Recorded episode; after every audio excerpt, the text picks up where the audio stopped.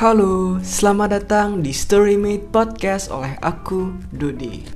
Ya, podcast ini awalnya iseng-iseng aja ya. Lahir dari keresahanku di mana banyak orang yang perlu temen cerita tapi nggak tahu cerita sama siapa.